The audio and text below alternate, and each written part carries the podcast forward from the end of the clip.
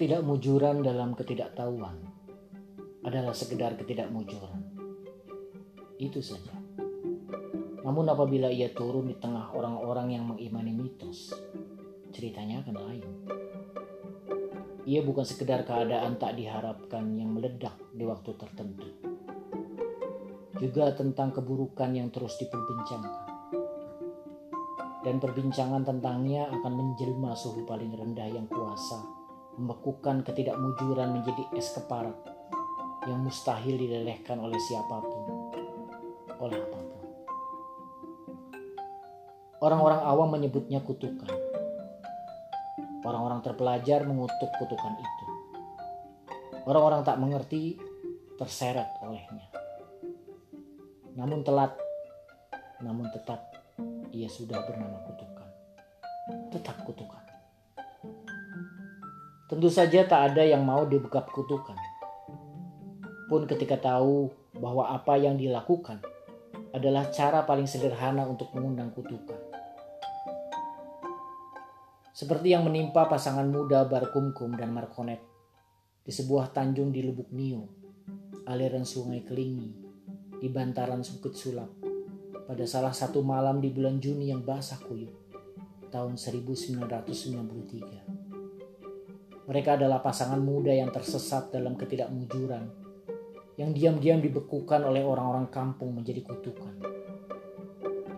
Tentu saja kutukan itu bukan karena alasan dungu, bahwa mereka menyebut daratan di tepian sungai yang menjorok ke tengah sebagai tanjung, dan bagian terdalamnya dibentuk kelokan sudut-sudutnya sebagai lubuk. Mereka memang tak tahu kalau tanjung hanya ada di laut, dan sepasangannya palung bukan lubuk. Memang. Namun, tentu kutukan sesuatu yang serius dan mematikan tak akan datang atas dasar keremeh-temehan itu. Kutukan itu seperti amuba yang meledak. Bukannya mati, serpihannya malah menjadi kutukan-kutukan baru yang masih berhubungan dengan dirinya. Bukan orang lain, apalagi khalayak ramai. Bukan Kampung ulak kungkung yang padat dengan satu dua rumah, panggung reot yang masih tegak pun, seolah menjadi tempat yang paling bersahabat bagi amuba itu. Belahan-belahan dirinya merayapi jembatan sungai Kelingi, lereng bukit sulap yang landai, tebing-tebing tepi sungai yang terjal, pasar-pasar yang ramai dengan orang-orang dan kebohongan yang menyertai transaksinya, hutan-hutan karet, kopi dan ladang padi tada hujan, hingga bermuara di bedengan dua pintu yang dihuni Barkumkum dan Markonet, dan seorang pemuda renta bernama Karimah Hamdan. Tempat tinggal mereka setelah hijrah dari Tabarena dan lima kali pindah selama berada di Lubuk Linggau akan menjadi asal kisah panjang yang melelahkan dan penuh liukan. Dan tentu saja mereka tak tahu menahu sebab keributan mereka berdua adalah bumbu paling sedap bagi aktivitas dan jalannya kehidupan.